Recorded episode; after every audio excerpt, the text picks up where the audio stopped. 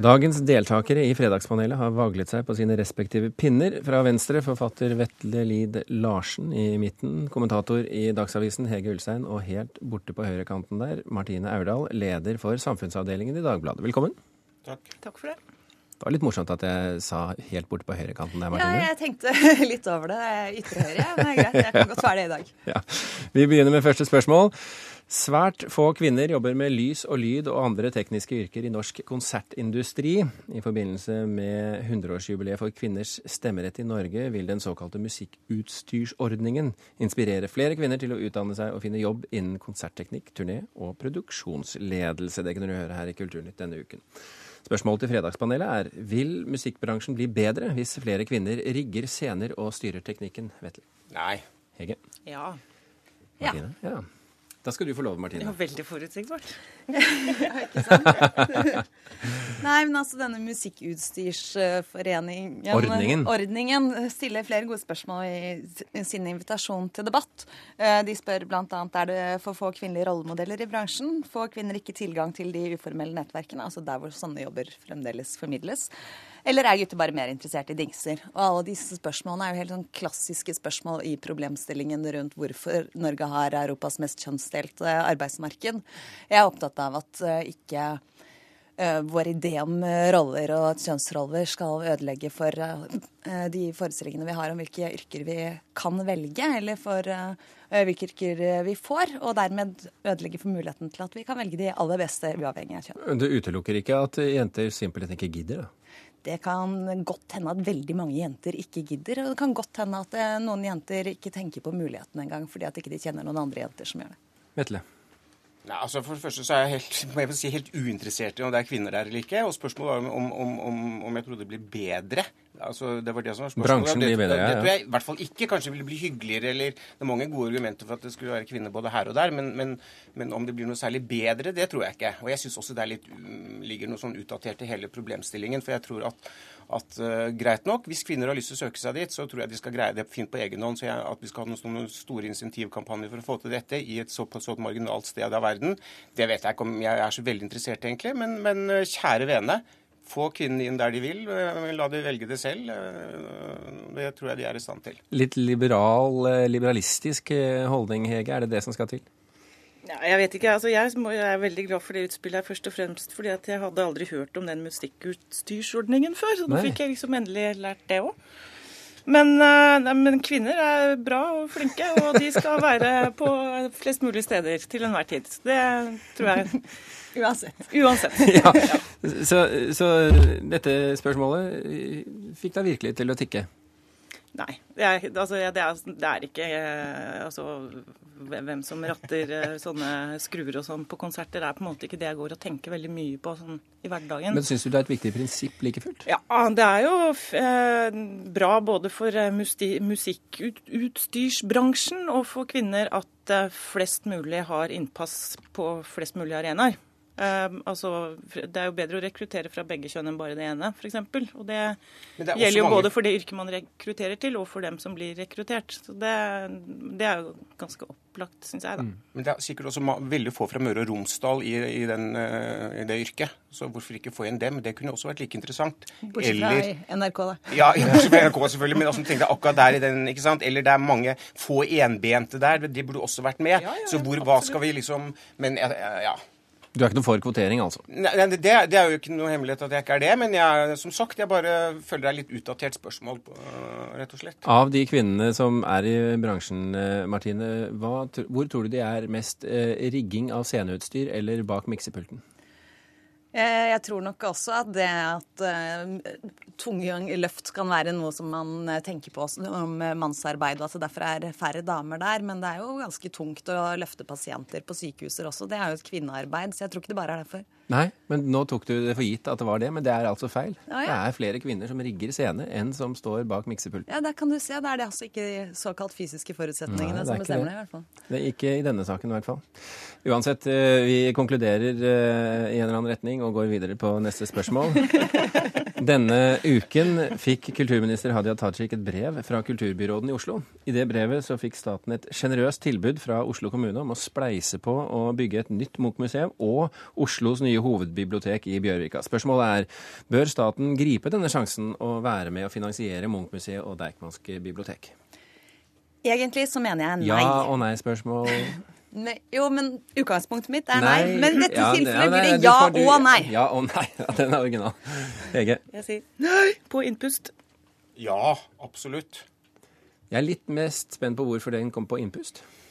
For jeg syns det, det er helt utrolig. Altså, nå har de gutta i Oslo kommune holdt på i årevis og ikke blitt enige. og ikke vil de, Først vil de bevilge penger, og så vil de ikke bevilge penger likevel. Og vi legger merke til at her er det gutter å snakke om. Ja, og så er det sånn Å, mamma, mamma, nå må du komme og hjelpe. Og så roper de på Hadia Tajik, som skal liksom eh, fikse alle de tingene de ikke har fått til selv. Jeg syns det er helt patetisk. Altså. Og det kan jo hende at Carl I. Hagen, som er en av de som foreslår dette, har skjønt at han må forte seg å få kulturministeren på banen før vi får en kulturminister fra hans eget parti, da, som i hvert fall helt sikkert ikke vil gi noe penger til Munch. Men eh, det er jo kanskje en annen diskusjon. Jeg er jo enig i det Hege sier her, 100% men, men jeg føler rett og slett at etter så mye gjørme i så mange år, så syns jeg rett og slett at staten skulle gripe når det gjelder Munch spesielt, som er et, egentlig et nasjonalt anliggende, og som tross alt er en helt sentral øh, kunstner. Ikke fordi han trekker turister hit, eller fordi det er morsomt å ha han på, på sånne badgets på jakken, men fordi han er en betydelig kunstner. Og, og, og kanskje det er på tide at staten griper inn og skjærer gjennom denne gjørma og får gjort noe med dette. For jeg tror ikke Oslos politikere er i stand til det. Og jeg syns på en måte som la oss si Louvre, da, som er et nasjonalikon i Frankrike, så kan du si at det nærmeste vi kommer her, er, kan hende et, et Munch-museum. øh, Og la, la for guds skyld la staten komme inn. Det, syns jeg vi skulle gjort for lenge siden. Og la oss håpe at det blir orden i sakene da, for Oslo har spilt ut sine kort øh, for lenge siden og tapt alt. Mamma ordner opp. Dette var et ja-svar, og det var et nei-svar. Nå kommer et ja- og nei-svar fra Martine Aurdal. Ja, det er et ja og nei, fordi at det er et eh, klart nei til at staten bør finansiere et nytt hovedbibliotek i Oslo. Nå har jeg eh, sittet og gjort et eh, artig Atex-søk på nytt hovedbibliotek i Oslo. og Gjennom de siste 25 åra så har det da vært planlagt på bl.a. på Tullinløkka, på tomta der hvor Galleri i Oslo står, der hvor eh, Byporten står osv. Dette har vært en gjentagende farse gjennom så mange år, og det er helt klart et kommunalt ansvar, og bare et kommunalt ansvar, å få bygget et nytt hovedbibliotek, og det burde jeg ha gjort for lenge siden. Så er den like stor og like alvorlig farse med Munch, og der er jeg dessverre redd for at Oslo kommune aldri klarer å komme til noen enighet i det hele tatt, sånn staten faktisk er nødt til å gå inn og hjelpe til for at det skal bli, det en, eh, bli et nytt museum. Kan det, kan det ikke gjøres som byplanleggerne gjorde i Frankrike? Vi har vært inne på det før. i Hausmann og sånn. ikke sant? Det var ikke noe sånn demokratimas. Det var å skjære igjennom, ta en beslutning, rive et par eh, gamle boområder, eller et par nye, Ja, eller og få museet opp. Det var det de skulle ja. gjort. Kanskje de kan eh, legge alt sammen til f.eks. Trondheim, bare for å si sånn adabada til Oslo? Men, men dette her er jo også et, eh, dette er jo et eh, spørsmål om å, eh, om å få en løsning.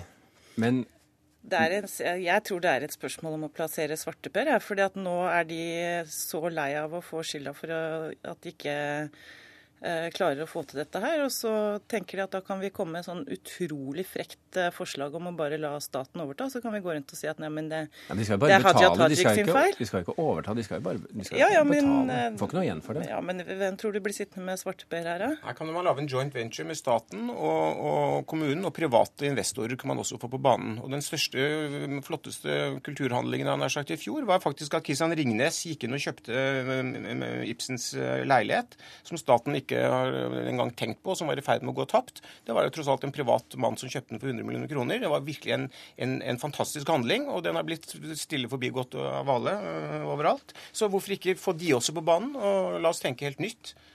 Er det noe du kan være enig i? Private midler, eh, Martine Aurdal? Ja, altså... Du sitter jo på høyrekanten her, mener jeg. jeg sitter jo på ytre høyre, så jeg må jo si at jeg, det var en knallgod idé. La Christian Ringnes overta hele Munch. Hele Men, Munch, Man kan gjerne få en, en, en åttende part. Ja, men altså, noe må i hvert fall skje. Her sitter Oslo kommune med en arv som de overhodet ikke klarer å forvalte. Og selv om de skulle få penger, så er de jo fremdeles ikke enige om hvor dette, nei, hvor dette museet skal ligge, eller hvordan det skal se ut, eller hvor stort eller omfattende det skal være, eller hva som egentlig uh, er nødvendig i, i det hele tatt. Og det er jo også et problem for Hadia Tajik, som uh, representerer Oslo Ap, som jo har en helt annen mening enn det byrådet som har sendt brev til henne her. Men uh, får vi en løsning, så er jeg i grunnen for åkke som Uansett hvordan den kommer til. Ja, godt. En, i en, en, en som evner å gjøre noe med en gordisk knute, med andre ord. Siste spørsmål i dag. Klokken er 17.25. Vi må ta det. Arbeidsledige kunstnerspirer og handlingsklare politifolk, det er ikke mangel på. Det er det ikke mangel på i norske spillefilmer. Men hvor er de troverdige rollefigurene med vanlige jobber, spurte filmviter Audun Engelstad i Kulturnytt i morges. Filmskaperne må løfte blikket og vise bredden i det norske arbeidslivet, mener han, mens en garvet produsent svarte at det kommer til å bli kjedelig. Spørsmålet er, bør et mer variert knippe yrker komme til syne i norsk film? Nei. Ja. Ja. Hvorfor ikke, Hegge? Altså, jeg bare ser for meg at det kan bli veldig kjedelig og traust. Og eh, det innslaget som, som du refererte til her, ble jo tatt opp på en McDonald's-restaurant eh, hvor teorien var at der er det så innmari mye spennende som skjer, og at det blir sikkert en inn, kjempefin film. Eh, jeg har ikke jobba på McDonald's, men jeg har jobba på 7-Eleven, og jeg, jeg er veldig glad for at det aldri ble en film, i hvert fall. For den ja, så hva skal, kan Var det man fordi ha at du med jobbet liksom der, eller var det fordi det var 7-Eleven? Ja, Det er jo sikkert fordi jeg jobbet der, da. Vetle? Nå er det ikke filmens oppgave å speile noe som helst, altså. men, men, men det er klart at det er et tilfang, enormt tilfang av mm, virkeligheter man ikke møter i norsk film. Altså, kanskje litt urettferdig sagt, men allikevel eh, raskt vurdert så er det fantastiske dramaer som utspiller seg på, I en pølsebu så er det, er det de store eksistensielle dramaer som utspiller seg. Jeg savner nok litt den nærheten noen ganger og tenker at der er det masse i norsk historie. Det er masse i bredden av norsk samfunnsliv som vi gjerne skulle sett det liksom hadde lett etter historier i. ikke sant? Det finnes overalt. Og nå er det blitt veldig mye sånn Kon-Tiki og, og, og, og noe sånn Finnmarksgreier. Og, og, altså Alt skal liksom være antisosialrealistisk. Men, men, men jeg tror vi kan finne store dramaer øh, på kampen. Og det kan det kanskje være mer av. Det vitner jo om litt eh, dårlig både selvtillit og kreativitet hvis eh, filmprodusentene og manusskriverne ikke ser for seg at det er mulig å gjøre noe spennende ut av noe annet enn de liksom, veldig typisk spennende yrkene. Um, for, eh, for, det må jo være mulig å lage en, en, spennende historie rundt et hvilket som helst yrke, hvis det var det som er formålet. Og det tror jeg at at kanskje flere burde tenke over. Eh, samtidig så har jo alle vi som jobber med formidling av virkeligheten på forskjellige måter, eh, ansvar for å tenke også på helheten. Men jeg syns det er vanskelig å pålegge filmskapere å skulle lage politisk motivert eh, drama fra 7-Eleven. Nei, men man yrkekvoterer, liksom. man kvoterer jo inn man, man ønsker i hvert fall egentlig å kvotere inn kvinner. Jo, men f.eks. her i NRK, når man lager barne-TV, så antar jeg at det er en diskusjon rundt hva slags virkelighet som formidles der, og at man viser ja, et variert. Hvordan tror du Fantorangen kom til, liksom? Det var jo et uh, kvoteringsspørsmål, det. Ja, han kom rett fra 7-Eleven, faktisk. men, men uh, er, det, er, det, slik at uh, filmen ikke gjør jobben som, som og forteller om det norske samfunnet, slik det er? Altså, nå er det jo jeg har ikke forska på dette, her, men er det virkelig sånn at det ikke er noen kjedelige yrker i, i norske filmer? Da? Jeg syns det er masse Masse kjedelige norske filmer. Masse kjedelige norske filmer hele tiden. Ja. Kon-Tiki handler jo for øvrig også om en fyr som utøver yrket sitt, da, og Trolljegeren òg, for den del. men Uh, nei, altså hva ma litt, Mattilsynet, The Movie, liksom? Det, det, det, det, er litt, Du savner litt pulsen. Du gjør det noen ganger. at du, Mange av personene var en som sa det, at altså, personene eksisterer i et liten boble uten kontakt med miljøet og, og, samfunnet rundt. Den følelsen kan jeg også ha noen ganger. Litt som fredagspanel, med andre ord. Litt som fredagspanel. ja.